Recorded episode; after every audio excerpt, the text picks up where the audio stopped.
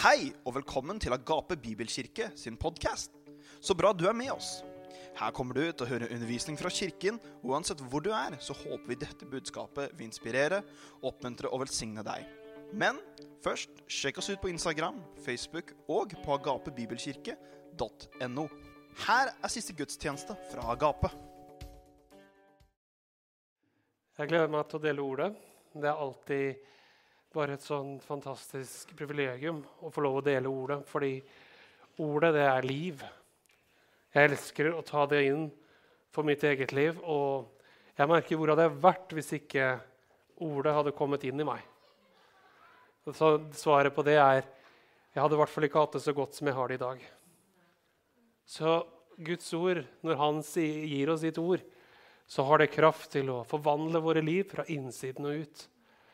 Og når vi skal tilbake til her med 'back to basics', så er det egentlig, som også Lara sa, bak, tilbake til det grunnleggende, eller tilbake til fundament, det, det fundamentene. Og da er det noen som tenker at jeg trenger ikke gå tilbake til grunnvollene. Vet du hva, Jeg blir, så, jeg blir overraska eh, hvor mange ganger hvor Gud har tatt meg tilbake til grunnvollene. Vet du hvorfor det? For hvis ikke pilarene i ditt liv er sterke, så faller alt annet. Hvor mange vet det at hvis ikke grunnmuren fungerer, så har ikke huset en lovende framtid? Er det ikke sånn? Så jeg, jeg, jeg, har sett det så mange ganger at og du vet, Det er interessant når folk går gjennom tøffe ting i livet, eller det er kriser eller utfordringer. og sånne ting. Det som tar folk igjennom, er å gå tilbake til grunnvollene. For det er det som vil holde dem. Så Derfor så er det så viktig, det vi snakker om i dag. Og det her, Jeg tror fortsatt at Gud vil vise deg noen ting du ikke har sett før. Og kanskje mye av dette er nytt for deg. Uansett hva eh, og hvor du er, så er det helt fantastisk at Gud har noe for deg i dag. Er det ikke bra, folkens? Og vi snakker jo nettopp om hvordan Gud ser oss. Så da vil jeg stille deg det spørsmålet. Så hvordan ser Gud deg? Tror du han er fornøyd når han ser på deg? Eller tror du han er litt skuffa? Han tenker han, ah, det kunne vært noe bedre med den der. altså. Istedenfor en eh, solid tier så ligger han på tre og en halv. Tror du Gud tenker sånn når han ser oss? Tror du Gud er skuffa over deg? Men du vil, bli, du vil kanskje bli overraska over hvor mange som tror det. Hvor mange som tror at Gud ikke bryr seg. At Gud er ute etter å straffe, at Gud er ute etter å finne feil. Men det er langt unna Guds hjerte. Og vi skal snakke om det her i dag. Hvordan Gud faktisk ser deg. Det vil faktisk avgjøre hvordan du lever kristenlivet ditt.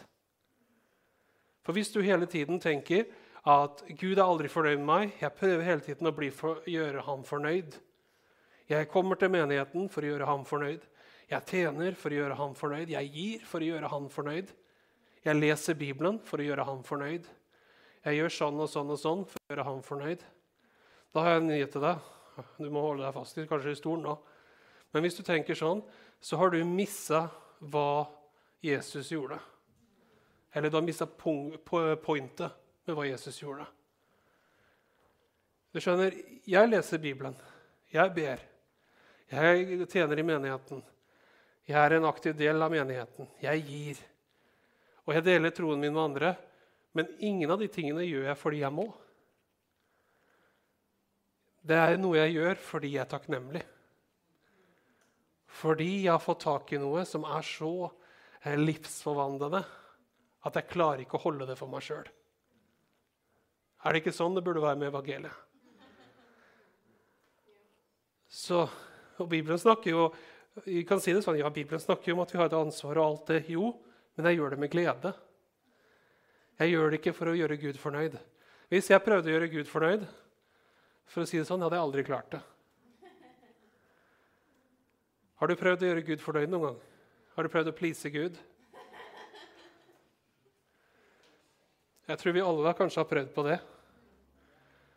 At, tenkte, Kanskje du har bedt en bønn og tenkte det var en fin bønn. Nå ble Gud fornøyd.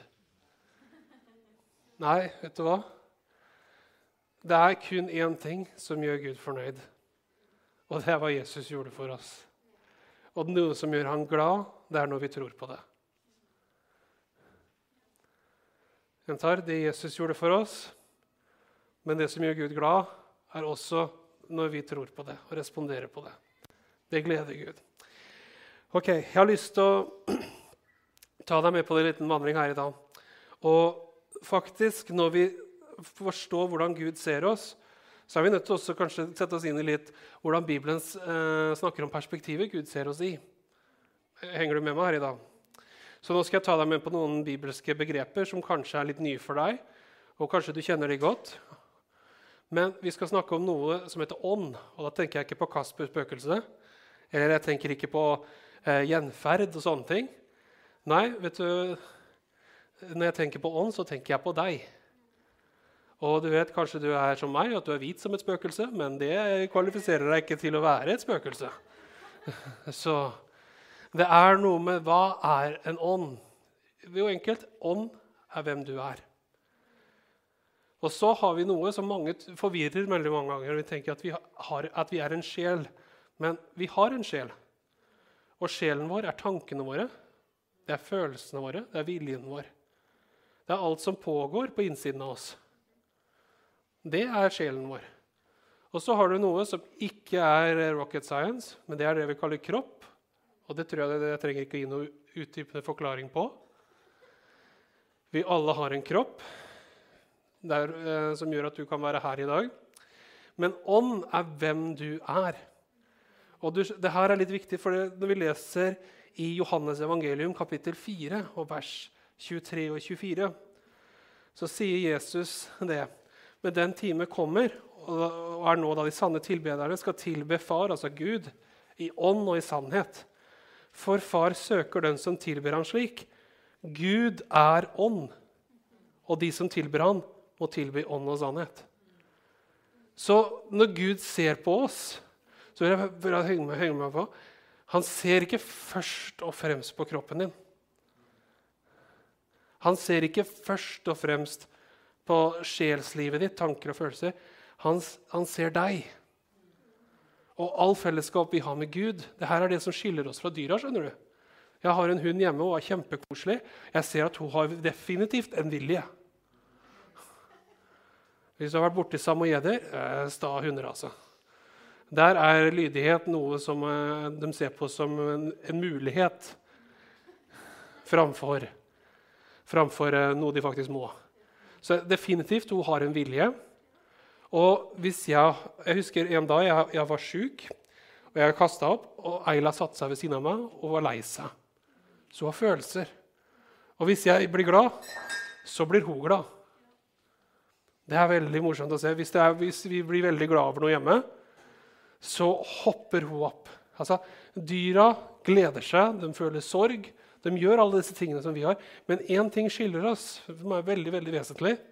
Og Da tenker jeg ikke på at de går på fire ben og vi går på to. Det jeg tenker på, det er at vi er skapt i Guds bilde som mennesker. Og vi er en ånd. Dyra er ikke en ånd. Dyr er sjel og kropp. Og vi blir veldig glad i dem, og Gud har gitt dem til oss som en gave. Men mennesker er skapt i Guds bilde. Og derfor, når, Gud snakker om, når Jesus snakker om at vi har fellesskap med Gud, og hvordan Gud ser oss, så er det han ser vår ånd. Han ser hvem vi virkelig er. Du, alle oss, vi, vi, er, eh, vi er oss, for å si det sånn. Og det er ikke sikkert vi velger å vise hvem vi er, til alle.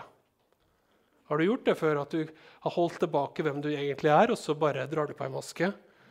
Og så er det så lett noen ganger å vise fram den du vil at folk vil at du skal være. Ikke hvem du virkelig er. Men Gud han ser deg akkurat som du er. Og når jeg snakker om det, så snakker vi om ånd. Heng, gir det mening, det jeg deler med deg nå? At Gud ser oss akkurat som vi er. Og så La meg lese noe for det her. Vi skal til Salmenes bok 139. Og Det er et litt lang salme, men jeg har lyst til å lese den sammen med deg. Og Du kan følge med på skjermen hvis du ikke har Bibel. Hvis ikke så ligger det Bibel ved inngangen. Og så det blir veldig, veldig bra. Så står det eh, til sangmesteren Eh, salme 139, vers 1. Så skal vi lese en del av denne salmen.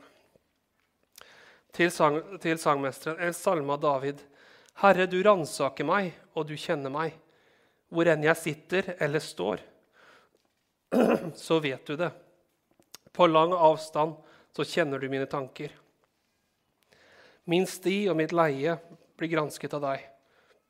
Du kjenner nøye alle mine veier. Ikke et ord er på min tunge. Se, Herre, uten at du kjenner det fullt og helt allerede. Bakfra og forfra omgjør du meg. Du har lagt din hånd på meg.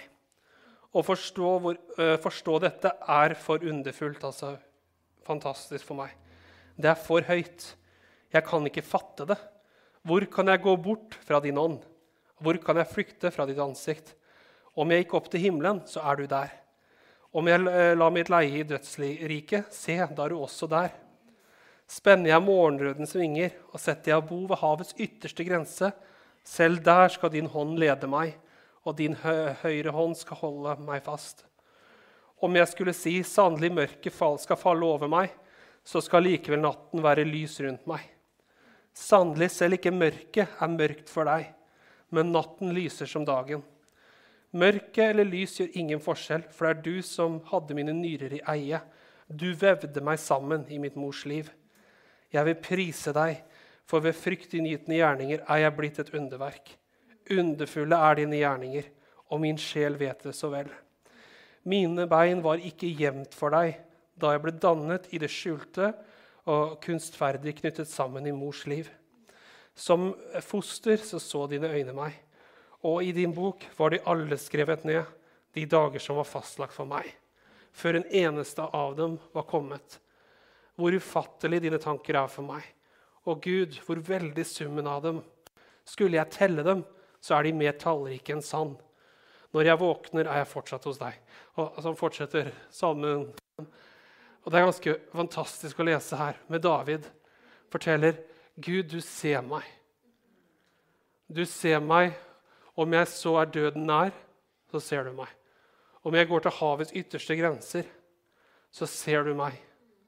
Uansett hvor jeg er, uansett hva jeg gjør, Uansett hva jeg har gjort, uansett hva jeg skal gjøre. Du ser meg, og du kjenner meg, Gud. Og det her er den nyheten jeg vil dele med deg her i dag. Jeg bygger opp til noe her. så skjønner du. Det er akkurat Uansett om vi er i mørke eller lys, så valgte Gud å sende Jesus og dø for oss på korset. Han elsket oss da vi var på vårt verste. Han elsker oss når vi er på vårt beste. Han elsker oss når vi har det vanskelig, han elsker oss når ting er lett. Uansett hvor vi er og hva vi har gått igjennom, så elsker han oss, og han valgte oss. Det første som har med hvordan Gud ser deg, å gjøre her. Han elsker deg, og han valgte deg først. Så du kanskje føler nei, jeg har gjort for mye galt. Jeg får ikke ting på plass i livet mitt. Hør nå. Han så det på forhånd.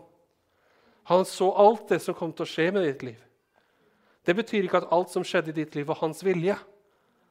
Men det betyr at uansett hva du har gjort, uansett hva som har skjedd med deg, så har han fortsatt en hensikt for ditt liv.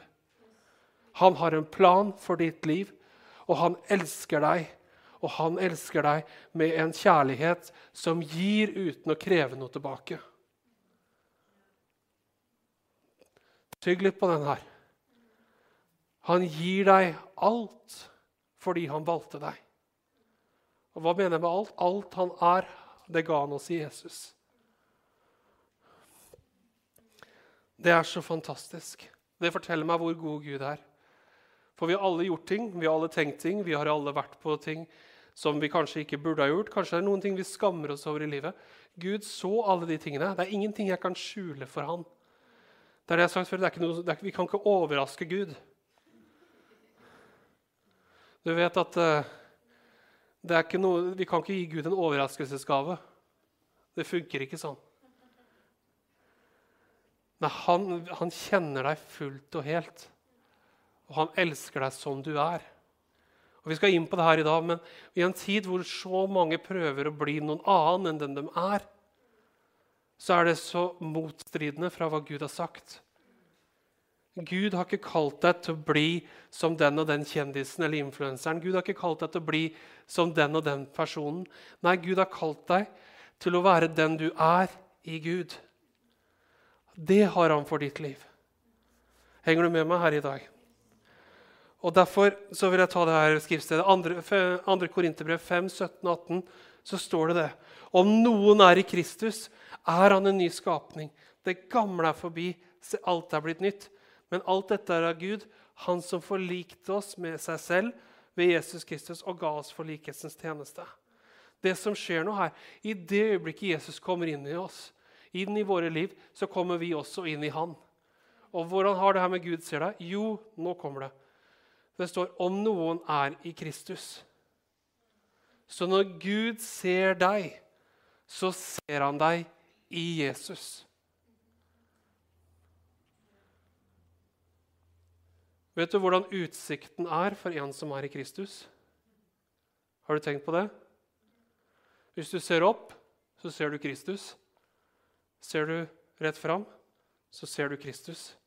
Ser du til høyre side, så ser du Kristus. Ser du til venstre side, så ser du Kristus. Snur du deg bak deg, så ser du Kristus. Ser du ned, så ser du Kristus. Det er utsikten for en som er i Kristus. Det er så fantastisk. Bakfra og forfra omgir du meg. Overalt. Der er du. Han har tatt oss ut av det som var før, og så har han satt oss inn i sin sønn. Så at hans rettferdighet er nå blitt vår rettferdighet. At hans liv har nå blitt vårt liv. At hans kraft er nå kommet inn i vårt liv, og vi får erfare hans kraft i våre liv. At hans helse er vår helse. Alt det her, Vår ånd, det står det, det så fantastisk. Den som er forenet med Herren, altså med Jesus, er én ånd med Han. Det er så fantastisk. Du kan ta det eksempelet her. Men når noen gifter seg, så sier man at nå, da er det ikke lenger to, men ett. Ikke sant? Og det er her ekteskapet kommer ut fra. skjønner du? Det er bryllupet mellom oss og Jesus. Ekteskapet er bildet på det. Menigheten og Jesus er ett. Du er ett med Kristus, og Kristus er ett med deg. Dette er kjærligheten. Det fortjener jeg jo ikke. Jeg kan ikke finne på det. Gud har valgt å bli ett med meg. Nå begynner du å forstå hvor stor denne gaven er. Og hvordan Gud ser deg, og hvilken verdi han setter på ditt liv. Hvor verdifull er du for han? Så mye at han var villig til å legge ned sitt liv og dø for deg. Det er verdien Gud har satt på ditt liv. Er det ikke fantastisk her? Så, så du det blir varmt her, så kan vi skru opp vifta litt. Jeg bare ser det er noen som sliter med varmen. Så Hvis ikke du får ta det med Anne-Berit. Hun er eh, temperaturstyrer. Ok, Så når Gud ser deg, så ser han deg i Sønnen. Du, du, føler du det alltid sånn? Hvis du slår tåa di klokka tre om natta, du er på vei for å hente et glass juice, og så smeller du selvfølgelig lilletåa i bordkanten eller i hjørnet på stolen Det er ikke sikkert det kommer ut 'lovet være Herren'. Det er ikke sikkert det er det som du har lyst kommer ut av deg. Kanskje det er bare smerteskrik, eller kanskje det til og med kommer noen ord som du bare Fantes det? Nei, vet du hva? Våre tanker, minner, følelser Disse tingene tar tid. Forandrer seg. Men akkurat nå, fordi du er i Kristus, så er du gjort ren og hellig. Ikke fordi du fortjente det, men fordi han ga deg det. Det er de gode nyhetene. Så jeg har lyst til å lese et skriftsted til her. Vi skal komme inn på noen punkter her etterpå. Men la oss gå til Romerbrevet kapittel 8 og vers 29. Romerbrevet 8, 29.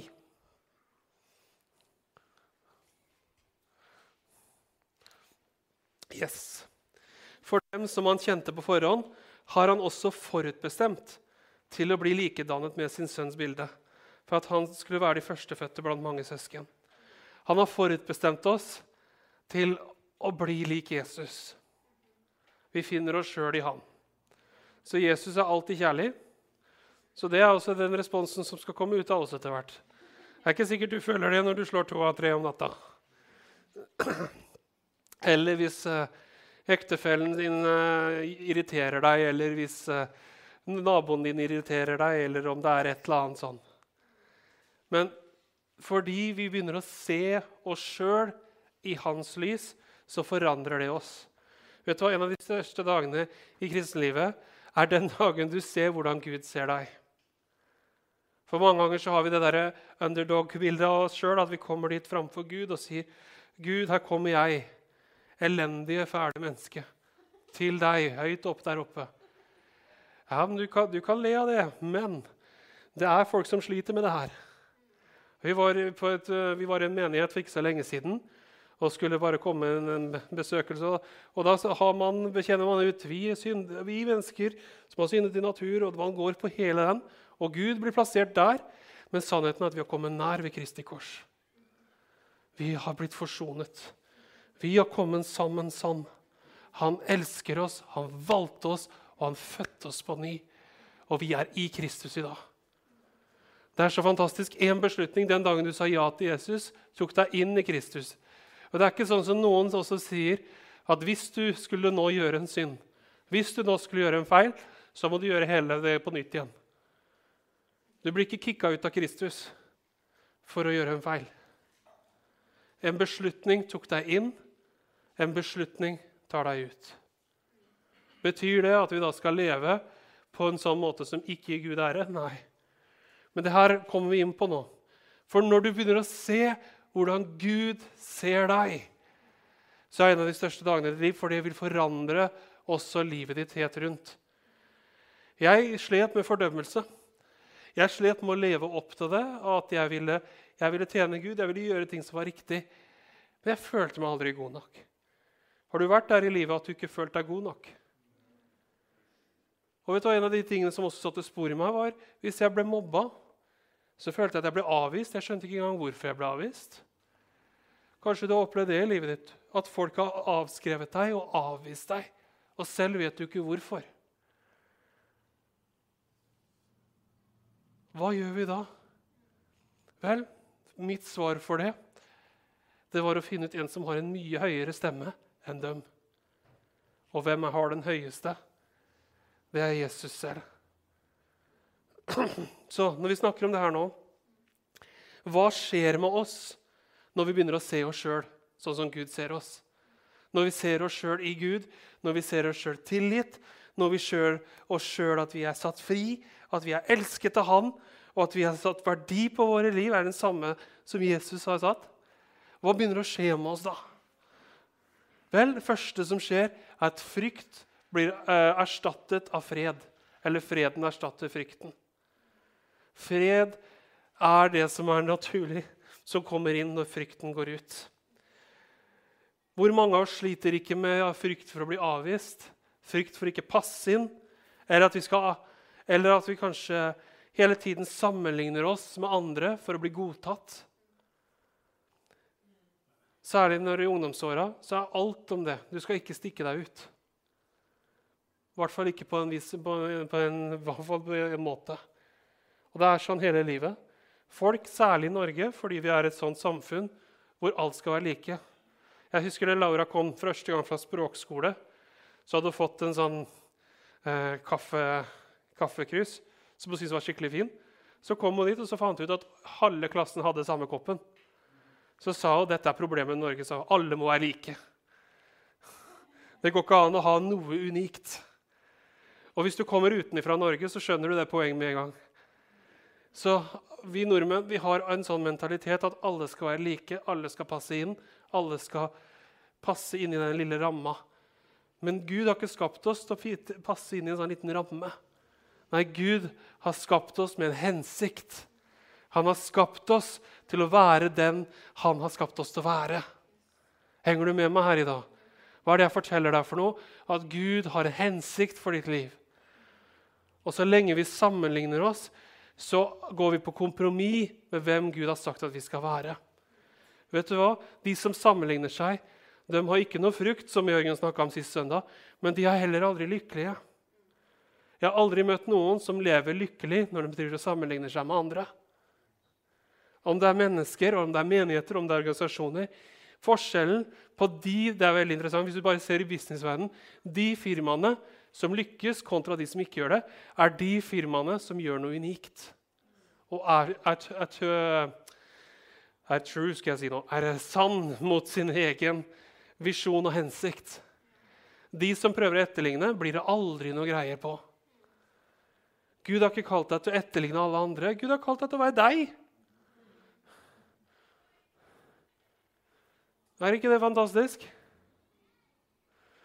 Du vet, Hvis jeg skulle etterligne noen, så er ikke det sikkert de syns det er så ålreit. Eller hvis noen etterligner meg. Jeg syns det holder med én meg. Trenger ikke å være flere av meg. Jeg er nok slit med den ene, sier Laura. Trenger ikke flere. Det holder med én av deg, og, er, og, du er en gave. Mange av dere har bestilt eh, mange av dere har vært på markedet sånn, hvis du har vært i utlandet på ferie. Og Så kommer de og så prøver de å presentere den ekte varen for deg, og så ser du på det at det er ikke den ekte varen. Det er bare en, dårlig kopi. Har du sett det før?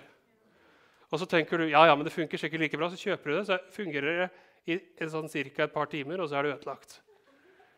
Eller om det var noen klær du kjøpte, så krympa det fra voksenstørrelse til barnestørrelse, eller et eller annet tull.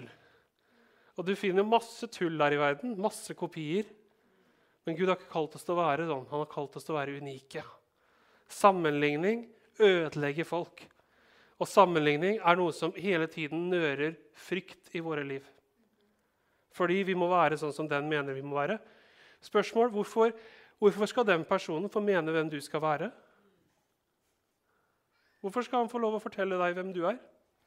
Hvorfor kan ikke du fortelle hvem han er? Hvorfor skal han fortelle deg? Ser du, Han har ingen rett til å fortelle deg hvem du er. Men den retten, retten har du gitt han. Gud er den eneste som har rett til å fortelle oss hvem vi er. Og han tvinger oss ikke, og han bruker ikke frykt for å gjøre det. Er ikke det fantastisk? Den eneste som har retten til å si oss hvem vi er, han tvinger oss ikke. Får du noe ut av det jeg deler med her i dag? Hvis vi, så lenge du og jeg begynner å sammenligne oss med andre, så vil vi hele tiden bære på en sånn frykt for å bli avvist. Det øyeblikket vi slipper tak i det og kommer hit, som 1. Johannes 4, eh, 17-19 sier Vi kan lese det, forresten. 1. Johannes 4, 17-19.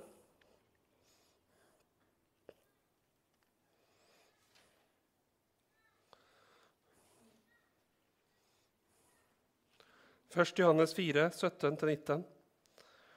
Ved dette er kjærligheten gjort fullkommen blant oss, at vi kan ha frimodighet på dommens dag. For som Han er, slik er vi i denne verden.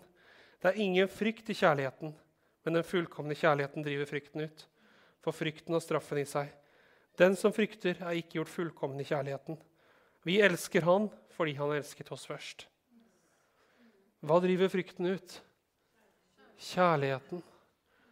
Når vi, når vi i stedet begynner å sette Guds mening over oss høyere enn det andre sier om oss, og at han elsker oss, og at han ser oss som sine barn Når han ser på deg, så sier han, 'Wow, det er den kjære dattera mi.' 'Wow, det er den kjære sønnen min.' 'Jeg er så stolt av deg. Jeg elsker deg.' 'Wow, du er helt fantastisk.' Jeg så deg i det øyeblikket du var i mors liv, så så jeg deg. Og jeg gleda meg over deg hver eneste dag. Sånn ser han deg. Og når vi, imot, når vi har tatt imot Jesus, så kommer vi inn i han. Og da ser han oss bare der.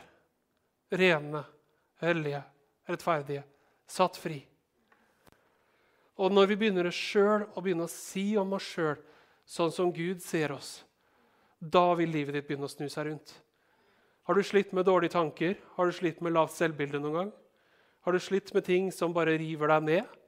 Min venn, du trenger å bytte karusell. Mange av dere har vært på Tusenfryd her. Eller Liseberg da, i Sverige. Her skal vi gi til dere svensker. Liseberg er mye bedre enn Tusenfryd. Ja. Yes, det, er, det er lov å si yes på. Det er, Nei, Vi ser det hvert år, alle ungdommene. Vi skal på Liseberg. Så, nei, men kan vi ikke dra på Tusenfryd? Og så ser vi Åh. Så vi ser det med en gang.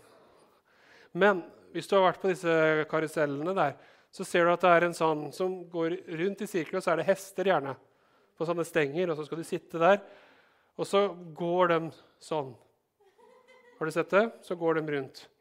Så er det sikkert kjempemoro å etterlate er barna. En del av oss kristne er på den. Og det er negative tankemønstre. Og de samme tingene vi sliter med igjen og igjen. Dette er grunnen til at vi mange ganger aldri kommer ut av den frykten. Fordi vi, vi tenker på de samme tingene igjen. Vi føler på de samme tingene. Og hvis vi bytter ut det, så må vi begynne å få tak i ok, hva er det Gud sier om meg. Hva er det Gud sier om min situasjon? Hva er det Gud har for meg? Hvis du hopper av den karusellen, så er det det du trenger å gjøre. Hvis du tenker at eh, nei, jeg gjør ikke det, nei, ok, da blir du med en runde til. Og du blir på den runden helt til du er villig å gå av. Så og derfor så, du vet Noen av oss vi sliter med å sammenligne oss med andre. Menneskefrykt og grunnen til at jeg bruker så mye tid på det, er for at så mange av oss vi bruker så mye tid på å være redd for hva andre mener. Vi tør ikke å dele troen vår fordi vi er redd for hva sier de om meg hvis jeg forteller dem om Jesus. Hva skjer med meg da? Tenk om de mener at jeg er en kristen eh, Jesus-troende person. Ja, men det er det jo uansett. La dem få vite det. Ikke sant? Mange ganger, vi, vi, bruker så mye tid på å være redd for noe som 80% av 90 av tilfellene aldri skjer. Og Det samme kommer til ulykker. Noen mennesker er livredd for alt mulig. Hva hvis det skjer, hva hvis det skjer, hva hvis det skjer, hva hvis det skjer? hva hvis det skjer? Hør nå. Når du får tak i hvordan Gud ser deg, så får du en helt annen trygghet i livet. Da blir jeg ikke så redd for alt som kan gå galt. Men jeg begynner å være takknemlig for alt han gjør i mitt liv som går riktig. Henger du med meg her? Og Det leder oss til Jeremia 29, 11. Jeg har bare lyst til å sitere det. Jeg vet noen av dere elsker dette verset. Jeremia 29, 11, og da står det det. Eh, for jeg vet hvilke tanker jeg tenker om dere, sier Herren. Tanker til fred, ikke til noe ondt. Jeg er videre fremtid og håp. Så hvis du er redd for noe som skal skje, tenk hvis Putin kommer. Tenk hvis det skjer, tenk hvis det skjer, tenk hvis det skjer. Jeg vet hva, Uansett hva som skjer i verden, uansett hva som skjer i verdenssamfunnet, så har du et løfte. Jeg har tanker til fred og ikke noe til ondt. Jeg vil gi deg framtid og håp. Det er et løfte han har gitt for deg og din familie. Ta stilling og si vet du hva, dette løftet er mitt. Når frykten kommer, så sier du 'Jeg har framtid og håp'. Hvorfor det? Fordi Guds ord forteller meg det. Ikke noe tanker til ulykke, ikke noe tanker til vondt. Gud har framtid og håp for meg. Du begynner å sette større verdi på hva han sier om deg, enn hva alle andre sier om deg. Og Det vil også gradvis snu hvordan du ser livet, og hvordan du erfarer livet. Så nummer to Vi, skal, vi kan gå på neste her. Og det er akkurat det at Guds hensikt blir tydeligere. Første er at freden erstatter frykten når vi ser, vi ser, hvordan Gud ser oss. Men det er også at hvordan Guds hensikt for oss blir tydeligere. Ved at Gud har en hensikt for ditt liv. Det var ikke sånn at Gud kjeda seg en dag og så tenkte nei, vi får skape han, han der der. Skal vi se åssen det går. Nei, det var ikke sånn. Gud har en hensikt. Han så deg fra mors liv. Han visste alle dine dager før du i hele tatt ble født. Han har en hensikt og en plan for ditt liv. I Efeserne 1, 11 og 12 så kan vi lese et skriftsted her. Det står at i Han har vi også fått en arv ved at vi ble forutbestemt til det etter hans bestemte hensikt. Han som utfører alle ting etter sin viljes plan, for at vi som tidligere hadde satt vårt håp til Kristus, skulle være til lov og pris for hans ærlighet. La meg bare gjenta det. At I ham har vi også fått en arv ved at vi ble forutbestemt til det. Til hans bestemte hensikt. Altså, Gud har en bestemt hensikt. Han var helt klar fra dagen han skapte oss, så visste han at menneskeheten kom til å feile. Og så altså, Allerede da hadde han planen for å gjenopprette oss. Og han sier, 'Jeg hadde en bestemt hensikt fra før verdens grunnvoll ble lagt.' Så hadde Gud planen klar. Før skapelsen så var planen der. Han visste alt som kom til å skje, og han sa, 'Jeg har en løsning for det'. Og han, Selv om vi velger feil, så har Gud løsningen for oss. Om vi velger å ta imot den. Og Det leder oss til her. Han som utfører alle ting etter sin viljes plan. Gud har en plan. Gud er ikke overraska. Og vi som har satt vårt håp til Kristus, vi skal være til lov og pris for hans herlighet. Så når folk ser på deg og meg altså Guds hensikt er også det. Ja, han gir oss alle ting. Han setter oss inn i Kristus. Han gir oss framtid og håp. Han har noe fantastisk for oss mens vi er her, men også i evigheten etterpå. At uansett så har vi alt det vi trenger i Han. Men så er det én ting at vi også skal være et vitnesbyrd. Altså. At livene våre det forteller andre om at Gud er god. Når de ser på ditt liv, ser de at 'nei, livet mitt er forferdelig'. Eller ser de 'wow, hva er det som skjer med deg'?